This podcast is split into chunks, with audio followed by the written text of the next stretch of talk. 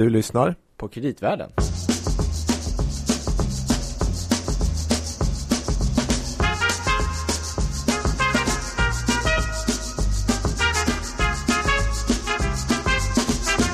Louis, Gabriel. jag är så spänd.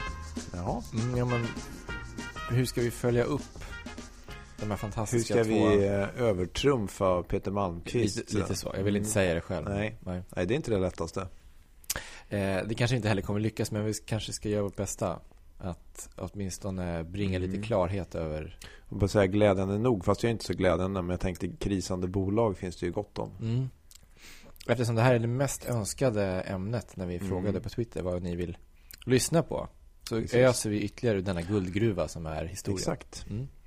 Men Louis Landeman Och Gabriel Bergin. på Danske Bank, Mm. Kreditanalys. på Markets.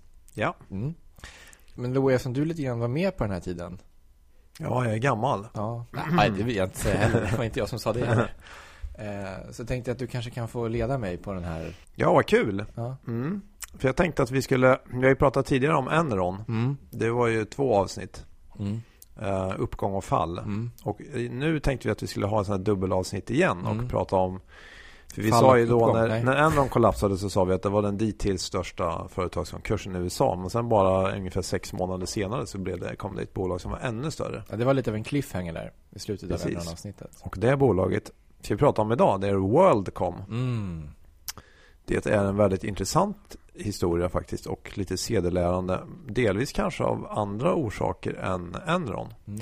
Men om man bara tar den stora bilden. Så det här är ett bolag som grundades 1983. Då var det ett litet, litet telekombolag i södra USA i en säga, bak, bakhörn, vad säger man, i Mississippi som var liksom man ansåg var lite en väldigt fattig del av USA då. Bakvatten. Bakvatten, ja, precis. Ehm, och det kom att växa och bli ett, faktiskt ett av världens största telekombolag med verksamhet i 65 länder. Mm. På det sättet liknar det väl lite grann Enron. Ja, exakt den här väldigt snabba tillväxten. mitten av 80-talet Precis. då. 100 000 anställda. Ehm, och sen var det någonting som gick snett. Och i centrum för den här historien så är det bl- bland annat två personer. Det är Bernie Ebbers, eh, legendarisk VD och lite faktiskt en folkhjälte. Intressant då. Han kallades för The Telecom Cowboy. Han hade alltid jeans och boots. Ja, just. Ja, och tyckte om att vara ute och plöja på åkern och köra, i alla fall köra traktor innan. Och sen eh, bolagets finanschef som heter Scott Sullivan. Och han var 1997 den högst betalda finanschefen i USA. Han hade en lön på 19 miljoner dollar. Oj. Mm. Det låter mycket även nu. Ja, det gör det faktiskt. Mm. Får man nog säga. Mm. Ehm, och sen faktiskt en tredje person som det ska visa sig också är ganska viktig i det här. Hon heter Cynthia Cooper. Hon var chef för det som kallas för Internal Audit på WorldCom. Internrevision helt enkelt. Ja. Mm. Precis. Vi återkommer till varför hon blev så viktig då.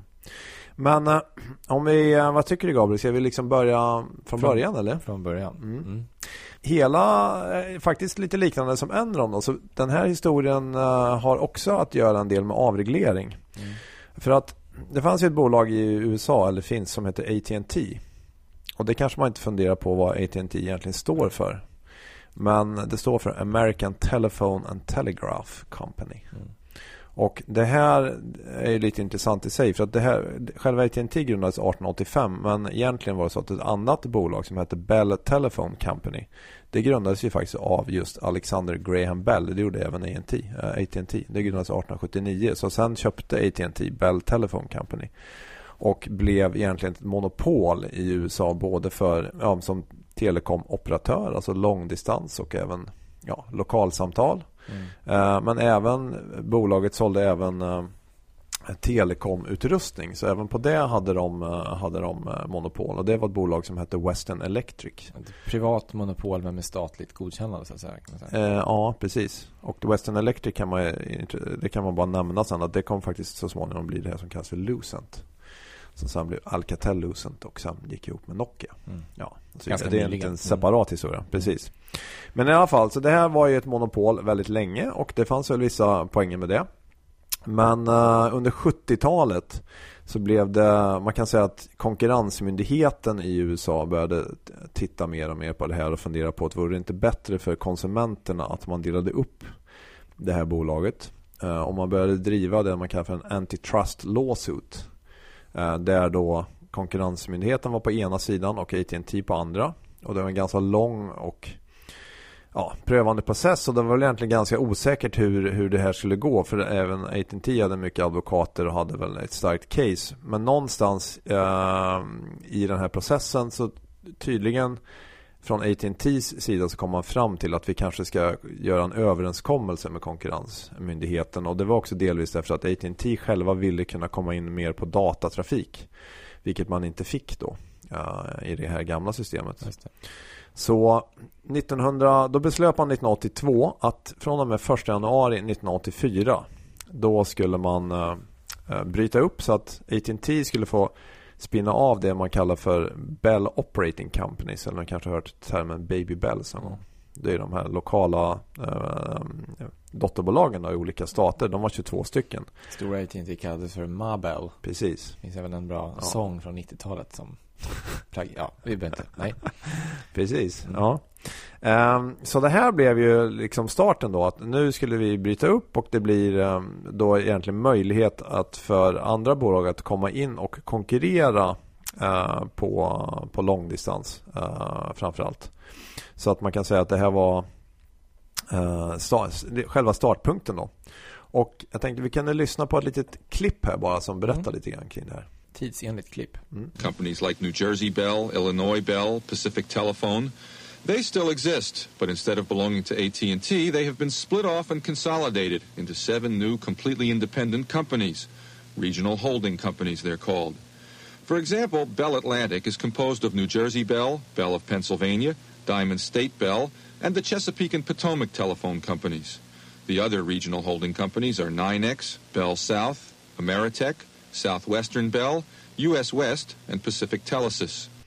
Ja, så det här är lite bakgrunden kring själva uppdelningen. Det blev inte jätteenkelt kanske att förstå för en vanlig konsument om man har haft en... Nej, precis. Och sen så också få olika telefonräkningar så att du ska få någon för kortdistans och någon för långdistans och så vidare. Mm. Men det många Men såg då namn. Ja precis, det många såg då. Det var ju då att Aha, nu, blir det, nu kan vi liksom köpa För att AT&T måste då öppna upp sitt nätverk Så att de var tvungna att sälja kapacitet Till konkurrenter.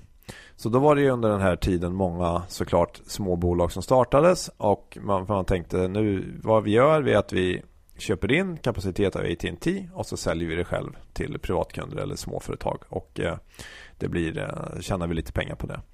Och eh, då var det bland annat då i Mississippi så var det en person och det var inte då den här Bernie Ebbers intressant nog utan det var en annan person som hette Murray Waldron.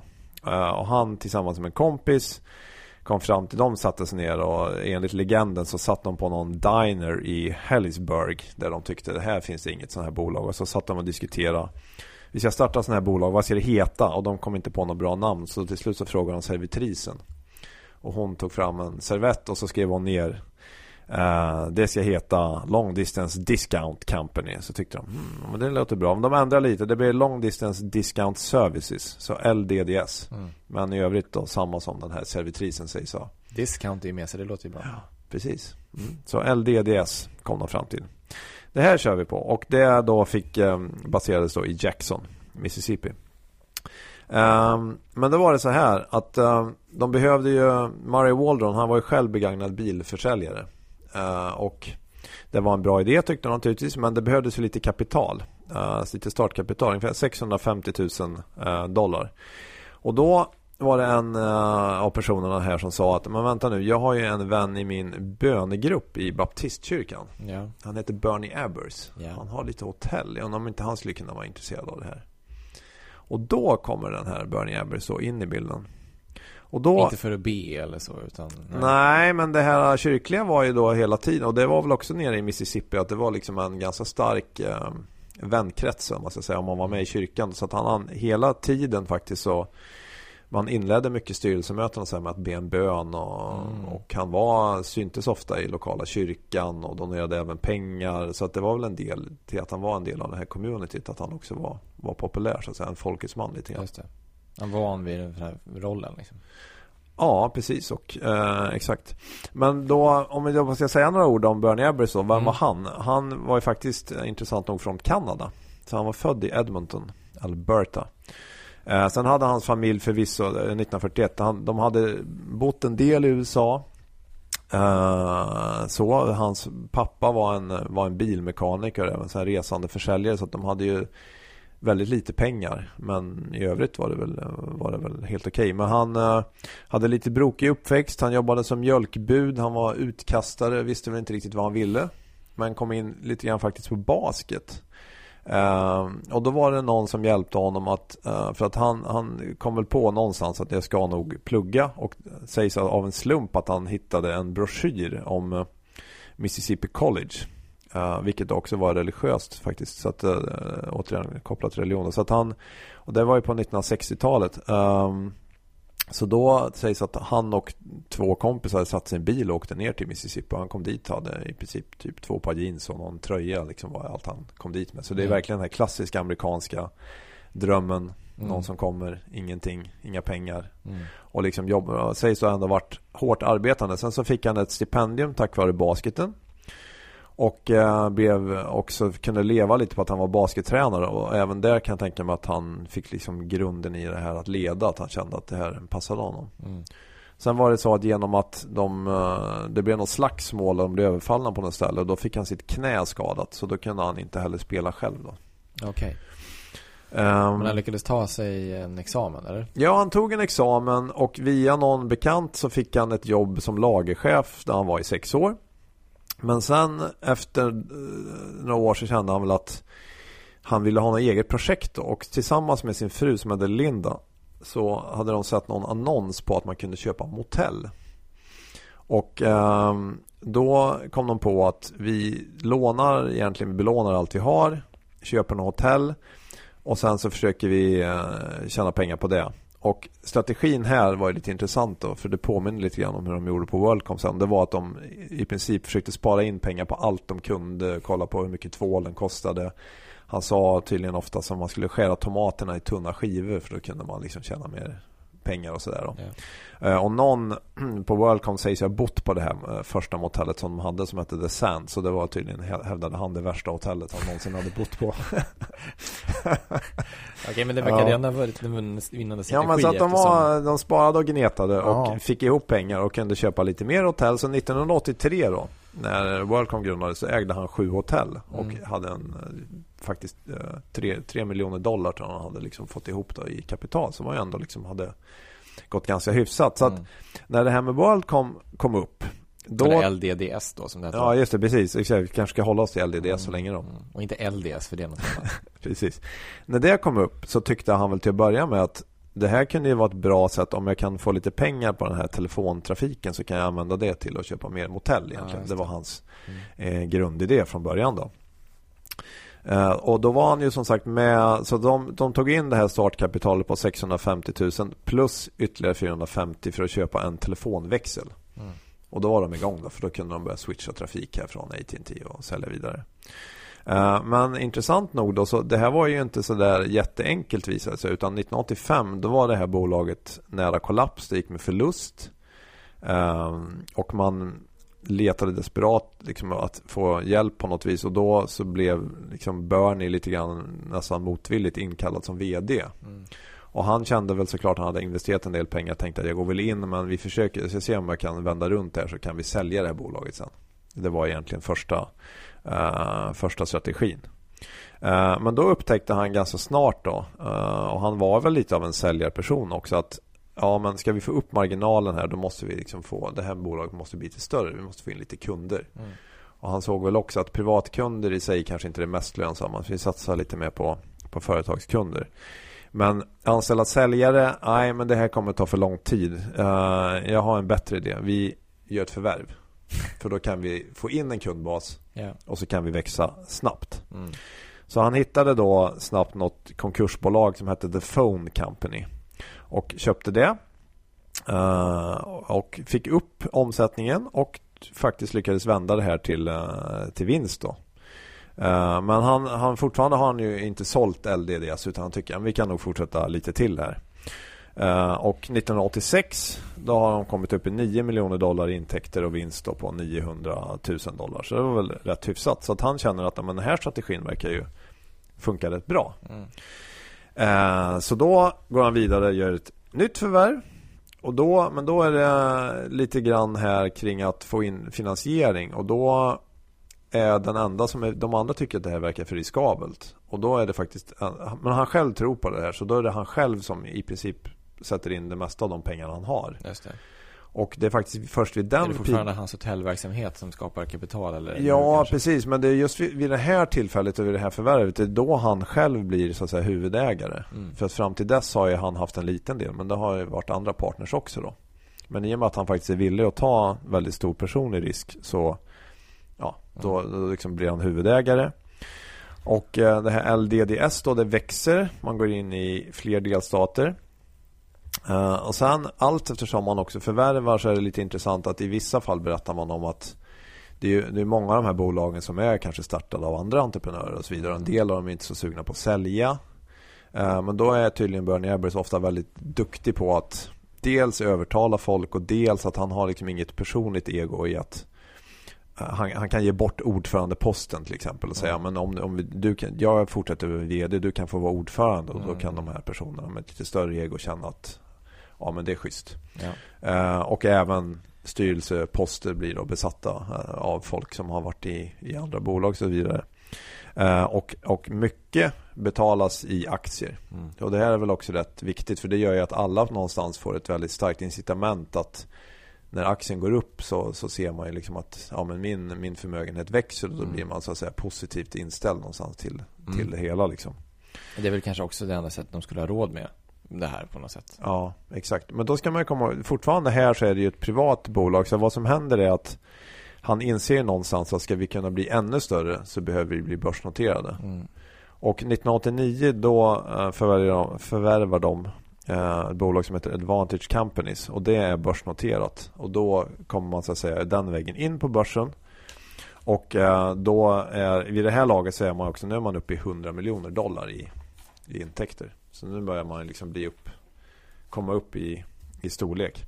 Okej, okay. det låter som att nu, nu händer det grejer och den exponentiella kurvan är på väg. Men jag har bara en fråga först. Liksom. Vad, mm. Affärsmodellen, vad är egentligen den? För de började med den här telefonväxeln ja. och sen har de köpt telefonbolag och vi har förstått att AT&T har delats upp men de här Bell Companies regionala som vi hörde om, de Just finns det. väl kvar liksom? Vad, är det, eh, vad gör LDDS egentligen? Liksom? Nej men det där är väldigt intressant för att fortfarande vid det här laget så är man fortfarande bara en återförsäljare. Mm. Så man har inget eget nätverk. Nej. Utan man är beroende av att köpa kapacitet av andra hela tiden.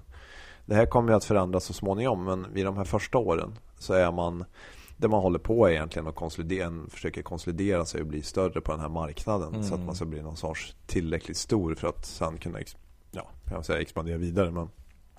Så vad han egentligen, hela hans trick här är, är ju egentligen att han köper bolag och han har ett väldigt, väldigt enkelt recept vilket är rätt intressant. Och det är att öka, om varje bolagsförvärv ska öka vinsten per aktie. Och priset är normalt sett ungefär sex gånger av det här bolaget som man köper. Deras månatliga intäkter kan man betala. Mm. Och sen så säger man så här, vi betalar hälften direkt och hälften när det visar sig att bolaget levererar som vi tror. Och då tycker man att om vi gör på det viset så behöver man inte göra så mycket så här, som man kallar due diligence. Vi behöver inte göra så mycket kontroller utan mm. vi betalar ändå bara hälften billigt, först. Så, mm.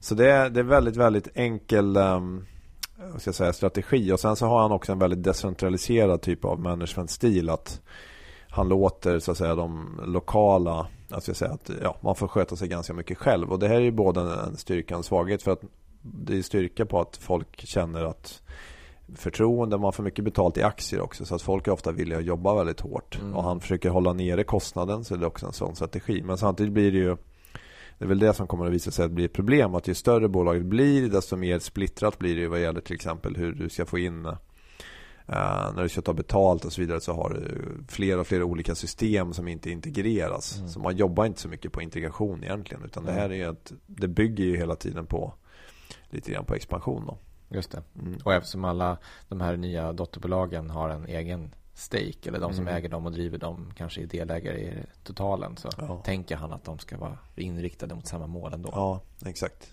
Precis. Um, och här, då är vi framme i början på 90-talet och då, vis, ja, då kommer man även att expandera så man, i fler och fler delstater egentligen. Och här kommer också en person in första gången som heter Jack Grubman. Och han var då på den tiden analytiker på Payne Webber. Mm. Eh, och föll väl lite grann för det här, det här bolaget och dess strategi. Och såg väl potential i det. Eh, så han hade då en, eh, som man säger, strong buy på den aktien. Och han kommer liksom att följa både Bernie Ebbers och LDDS och sen WorldCom. För att han kommer så småningom att handla på Wall Street och börja jobba på betydligt större då Salomon Brothers. Mm. Och han kommer egentligen kommer man se hel, genom hela den här eran så är han väldigt, väldigt positiv då på, på LDDS och naturligtvis under den här perioden med väldigt stor framgång såklart. Då. För att det går väldigt bra. Aktien stiger, stiger väldigt mycket. Då. Men man fortsätter så. Och man också är intressant är att man har i princip ingen marknadsföring. Eh, utan det är liksom hålla nere kostnaden, försöka fortsätta att ta in kunder, inte genom att så här, marknadsföra sig utan att eh, ja, egentligen köpa de kunderna. Och 1991 då är man uppe i 700 miljoner dollar i intäkter så att under de senaste fem åren här då har man alltså växt en faktor gånger 80. Mm. Och man är nu i 27 stater. Och när man då har gjort uh, ytterligare några förvärv då är man faktiskt fjärde störst på den här långdistansmarknaden i USA. Så det är AT&T, det är Sprint, mm. det är MCI och sen är det då LDDS. Men precis som du är inne på då, man har fortfarande inget eget nätverk. Nej. Och Det här är en, en svaghet, men uh, han, han är inte dum, Bernie Ebbers, så han ser det här och 1995 då approcherar man ett bolag som heter, uh, jag tror det heter Will, ja, det ägs av Williams, uh, ska säga, jag tror det heter Williams Technologies eller Wiltel. Så det ägs faktiskt av ett oljebolag. Så det är en division där. Och det här bolaget vill egentligen först inte uh, sälja. Men man lägger ett bud först på 2 miljarder dollar kontant. Mm. Uh, och man går även ut publikt med det. Och det, gör liksom att det här är ett listat bolag. Och när aktieägarna ser det här fina budet så, så tvingas ledningen så småningom. Och så för man, ökar man det till 2,5 miljarder. Och då till slut så går liksom ledningen med på okej, okay, vi ska sälja det här. Och då, då får man eh, så att säga ett eget, ett eget nätverk då. Faktiskt. Och man kan även komma in, som, och de har även mycket företagskunder och datatrafik. Så det här var ett väldigt, väldigt um, strategiskt förvärv. Och 1995, det är då man byter, då byter man namn till WorldCom. Uh, och här, lite intressant, för här tänkte vi kunde lyssna på ett klipp. Mm. För då bestämmer man sig för att man kanske ska göra lite marknadsföring. Och vem är då större på den tiden än Bernie Ebbers? Michael Jordan. ja, nej. och ja, vi kan lyssna på det här. Ja. Mm. There you have it, ladies and gentlemen. As our new spokesman, Michael will deliver the LDDS WorldCom message. So when we see the commercial. The commercial? Well, we had something a little uh, different in mind. Hi, this is Michael Jordan. This is Michael Jordan for LDDS WorldCom Long Distance. Hello. For your home or business. Different service. Come on, Mike. One more minute. You know, they have these prepaid calling cards with this uh, good-looking guy on them. Hi, this is Michael Jordan. Telecommunication service that's one-on-one. -on -one. Och det dug inte med vad som helst för den här Bernie alltså? Nej du. Mm. Nej, Michael Jordan var ju grymt stor på den tiden. Men det intressanta var, jag tror att Bernie Ebbers sa så här, men vi kan ju inte ha råd att anlita Michael Jordan. Mm. Men då var det så att han fick faktiskt bara, han fick betalt i aktier. Nej. Jo, så han sa, men om du kan tänka dig att få betalt i aktier så kan vi anlita dig. Så även han var inne på samma avlöning som, som alla andra här. Ja, ja visst. Nej, men då så. Och under den här perioden 95 då är det även då kommer Scott Sullivan, eller då kommer den här nya finanschefen Scott Sullivan in som är faktiskt ganska ung då. Jag tror att han har hunnit bränna ut en eller två finanschefer under den här de här åren med alla förvärv och så vidare skapar många gråa hår kan jag tänka mig. Jag förstår det. Mm. Men mitten på 90-talet här är rätt intressant för att då är det dags för nästa steg i den här avregleringen. Vilket är 1996. Då kommer det som kallas för The Telecom Act. Därför att det som har varit då sen den här uppdelningen av AT&T det är att man har haft uppdelat mellan långdistans och lo lokal telefoni. Men då säger man nu att och nu kommer även internet börja växa fram. Så att allas vår Al Gore han gillar ju internet. Mm. Och han pratar ju om det här med man vill ha en som man kallar för information superhighway. Och man vill ha väldigt populär på den tiden one-stop shopping så att man ska kunna köpa alla tjänster från ett bolag. Så man säger, ska vi inte låta lokala bolagen konkurrera med långdistans och tvärtom? Och även tillåta utbyggnaden av sån här fiberoptik då. Um, och AT&T kämpar väl emot det här för man är väldigt rädd att det är de här Baby Bell som sitter på slutkunderna. Det är de som kommer tjäna väldigt mycket på det här. Mm. Uh, och det, det, är väl så det kommer att visa sig bli också. Men det här trummas ändå igenom. Uh, och då under den här tiden så pratar man också om att nu det här kommer att leda till en förmodligen en omfattande konsolidering och det blir mycket spekulationer kring vem kommer att köpa vem och så vidare. Men jag tänkte vi kunde faktiskt lyssna för det här är ju en rätt viktig tid och det här, sen händer det också liknande saker i Europa ju, att man också avreglerar telekommarknaden. Vi kan ju lyssna på Bill Clinton. Ja, han pratar för kongressen inför. Mm. This law is truly revolutionary legislation that will bring the future to our doorstep. In the State of the Union just a few days ago, I asked the Congress to pass this law and they did with remarkable speed and dispatch. Even the years that were spent working on it were a relatively short time given the tradition of congressional decision making over major matters. This historic legislation, in my way of thinking, really embodies what we ought to be about as a country and what we ought to be about in this city. It clearly enables the age of possibility in America to expand to include more Americans. It will create many, many high wage jobs. It will provide for more information and more entertainment to virtually every American home. Men det står här då i den här lagen att any communications business to allow any communication communications business to compete in any market against any other. Mm. Ja. Hur låter det? Ja, det låter härligt. Fantastiskt. det är så rätt fascinerande när man lyssnar på den här. Jag tittar lite mer på den här sändningen från kongressen. Det är otroligt mycket applåder. Jag undrar bara, är det något? Folk verkar lite höga. Ja, men vi närmar oss inte den tiden, eh, de här åren när alla jo. helt enkelt var lite höga. Det är faktiskt... Det är ju framtiden som vi bygger apropå fram. det, det är faktiskt 1996 i december som mm. Alan Greenspan håller sitt berömda tal om irrational exuberance. Mm. Vilket han sen då backar ifrån. Och sen så kör man på i sista racet fram till den här kraschen sen då. Mm. Men uh, i alla fall efter, uh, ja, när det här sker så blir det ju, det är som du säger, det blir någon form av internethysteri lite grann här. Eh, och den här Jack Grubman då, som nu är på Salomon. Han eh, rekommenderar ju såklart Welcome. Och han rekommenderar alla de här så kallade telekom startups. Och jag minns ju från den tiden själv då när jag satt på Standard Porsche och skulle börja analysera många av de här nystartade bolagen. Då kom det det här amerikanska fenomenet som man inte förstod vad det var först som kallades för Silec. Mm vad tusan är det? Och då var det Competitive Local Exchange Carrier. Så det var många sådana bolag som startades och så byggde man lokala nätverk. Och så skulle man ta, ofta sa man hela tiden, man skulle ta internet och man skulle ta företagskunder från de här befintliga bolagen. Men det krävdes ju väldigt mycket kapital och mycket investeringar. Just det. Ja, det här är fysiska eh, mm, trådar. Fysiska nätverk, mm. precis. Och eh, då började då, apropå konsolidering här um, så började det ju hända väldigt mycket. Uh, bland men hur annat... Gick det med de här Silex, gick det för dem liksom? Tog de någon marknadsandel uh, ja men absolut. Men det var ju, det var ju under en period där liksom man såg att det växte kraftigt. Sen var det ju frågan om det blev någon sorts myt där han Jack Rubin sa, han sa, hans tes var hela tiden Bygg och sen så kommer kunderna. Mm. Så att liksom, sitt inte och vänta på någon efterfrågan utan efterfrågan finns där. Det, den är i princip oändlig var väl hans tes. Jag tror man pratade om att datatrafiken skulle dubblas varje kvartal. Mm. Sen om det stämde eller inte, men många under den här perioden så trodde man i alla fall att det var så. Mm. Uh, until proven otherwise. Ja. Liksom så man investerade i förväg. Ja, mm. exakt.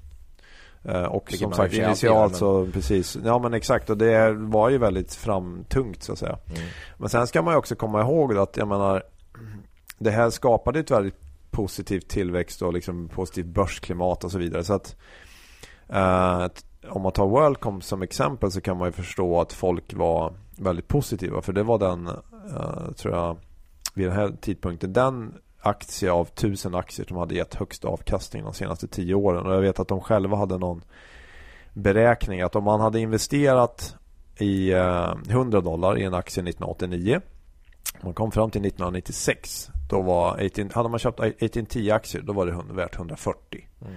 Hade man köpt eh, MCI så var det värt 131. Hade man köpt Sprint så var det värt 142. Men hade man köpt WorldCom då hade det värt 2473 dollar. Mm.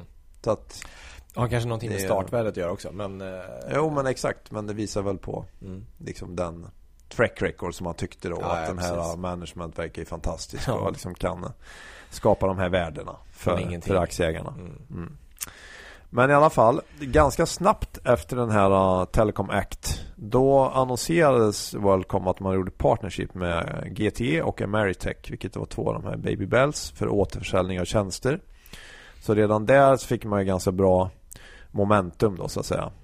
Men sen även så gjorde man, man fortsatte ju med sina förvärv så att uh, även 96 förvärvade man ett bolag som hette MFS och det var ett väldigt stort förvärv. Det var över 14 miljarder dollar. Men betalades bara med aktier då.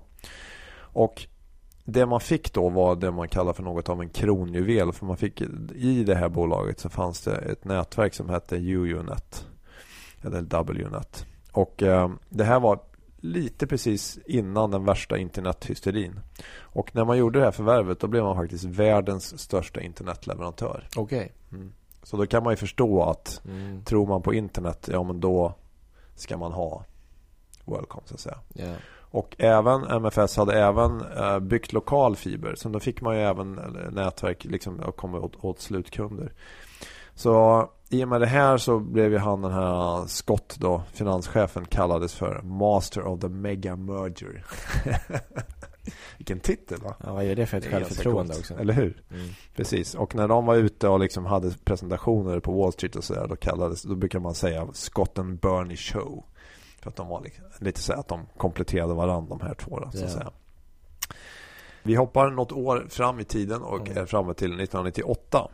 Då händer det grejer här. För då har British Telecom lagt ett bud på MCI, en av Worldcoms eh, konkurrenter. Men eh, MCI gör en fruktansvärd vinstvarning. Ehm, där de har eh, både de har investerat mycket i lokala nätverk och det kostar mer. Och de har även tappat en del kunder och så vidare. Och efter den här vinstvarningen får BT lite kalla fötter. Och intressant nog då så ser Worldcom sin chans här. Då ska man veta att MCI är ungefär tre gånger större än Worldcom. Mm. Så egentligen kan man tycka att det skulle vara helt omöjligt för Worldcom att köpa MCI. Men det fantastiska då är att Worldcoms aktie handlar som ett P tal på 90 gånger. ja. Så att man kan alltså lägga ett bud på 30 miljarder dollar som man sen eh, gradvis höjer upp till 37 miljarder dollar. Och till slut så kan man eh, trumma, trumma igenom det här. Då. Och betala med aktier? Eller? Nej. Ja, delvis, men även en del kontanter faktiskt då. Så då får man ju både MCIs varumärke och man får eh, även 25% faktiskt av amerikanska långdistansmarknaden. Mm. Eh, men sen ska man komma ihåg att MCI har en väldigt annorlunda företagskultur än Worldcom och de ses väl av dem på Worldcom som väldigt snobbiga. De flyger privatjet och de uh, har speciella matsalar för management och såna grejer. Och det säger Bernie Ebbers så det ska vi ta bort på en gång naturligtvis. Det. Uh, men det, det, skapar ju uppenbarligen viss, viss ut, vissa För utmaningar. Har ju funnits mycket längre så att säga. De är inte så nya som Nej, precis. Som precis.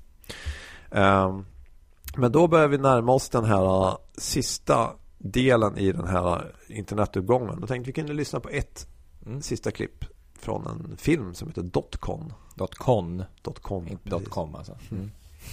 Some say the internet is so revolutionary that the usual rules for valuing a stock, such as revenues and earnings, no longer apply. Over and over again, scenes like this one would play out at the dot coms. On the day their company's stock went public, employees would watch the value of their stock options soar. Making paper millionaires out of many of them. Between 1990 and mid 2000, more than 4,700 new companies debuted on America's stock exchanges. The conclusion that we came to, rightly or wrongly so, was that the internet was going to fundamentally change the way business was run across the board in every sector of, of, of business. Everybody thought they could get rich quick. Everybody across from retail investor to investment bank. We had this period where money was growing on trees, which is totally cool while it's going on. We're now up to 34. The uh, daily volume, 3.7 million shares. We are almost a $2 billion company. Ja, det går inte att sluta köpa helt enkelt. Nej, det är det, det man Vare sig är. för Och, småsparare eller för de här stora bolagen. Och då ska man veta att vid den här tiden då i USA så finns det nu 3000 telekombolag. Mm. Det är en ganska fantastisk siffra. Och vi har sådana namn som, jag vet inte om man känner igen dem nu för tiden, men Quest, Level 3, Global Crossing. Alla de här då byggde, bygg, byggde fiber. Så man höjde ut kapacitet till andra egentligen. Mm. Alla som på heder och samvete kan säga att de känner igen några av de här namnen kan skicka ett brev direkt till Louie och Mm. Jag hade ett tag, jag kommer ihåg för att jag var i Wall Street där i början på 2000 och då hade jag någon, fick jag en sån här keps med om det var Quest eller KPN Quest. Mm. Jag fick se vdn Joe Nacho komma upp på scenen med så var en sån här rökmaskin. så spelade de musik på hög volym. Ja. Så de var ju gudar där Mm. vid den tidpunkten. Det var nog faktiskt när det pikade precis där i början på 2000. Nu är det möjligtvis spelbolagen som har rökmaskin, men jag tror inte att det är någon annan. Det, Nej, det kan man fundera på. Mm. Vilka är dagens Mm. internetbolag? Finns det sådana? Ja, nu, det var- det inte meningen att måla ut hela spelbranschen som en bubbla. Så, vi, vi lämnar det Nej, och så ja. går vi vidare till Men 1999. ähm, apropå då den här nya ekonomin som man pratade på då, Man drog även på sig skulder för över 300 miljarder dollar Mm. Just till att bygga fiber och, och nätverk Alltså det är inte nog med att de håller på att förvärva en massa bolag. De gör också en massa investeringar Ja. i infrastruktur. Då. Exakt, Mm. precis. precis Ja, fysiska investeringar, Mm. exakt Så det, har, det har ju dels de rena internet startupsen Som det kanske det här Ja. klippet refererar till Men sen har det ju även telekombolagen Mm. var, Som har kapaciteten för de här internetbolagen så att säga Just det. Ja, men jag menar för WorldCom då, det är liksom dubbel investeringstakt. det är det, precis. Mm. Men då lite grann när piken är här 1999 i oktober. Då presenterar man ett bud på 130 miljarder dollar att köpa Sprint. Och Fem år här- tidigare lät det mycket med 2,5 miljarder dollar. Ja, eller hur? Det här med Williams. Det är lite andra summor här. Och om det här skulle gå igenom så skulle det bli, tror jag, det största förvärvet någonsin Mm. faktiskt i USAs historia. Men det kommer att visa sig att man kommer att stöta på en del problem. Men jag undrar, Gabriel, vi kanske ska Ja, jag behöver en paus. Stoppa lite där när det är på topp. Ja, du har rätt. Ta fortsättningen i nästa Så kan man få eller? leva någon vecka med den här Mm. fantastiska euforin. Precis, men som liten teaser Mm. så skulle vi kunna lyssna lite grann på den här uh, fina duon Landeman Svensson. Åh! Mm. De är tillbaka. Ja. Jag hade faktiskt en aning om det, men eh, jag hoppas att våra lyssnare är lika glada som jag. Eh, Uppföljare till den här Enron-hitten. Ja. Men nu handlar det om Worldcom. Take it away boys, så hörs vi igen snart med Det gör vi. I nästa del. knew that if they had a chance, they would make their numbers stings to keep investors happy for a while. The ABBA scandal made me shiver with every mug and call delivered. Bad news on the doorstep. The stock price took a wrong step. I can't remember if I cried when I read about the market slide. Something touched me deep inside that day, that word.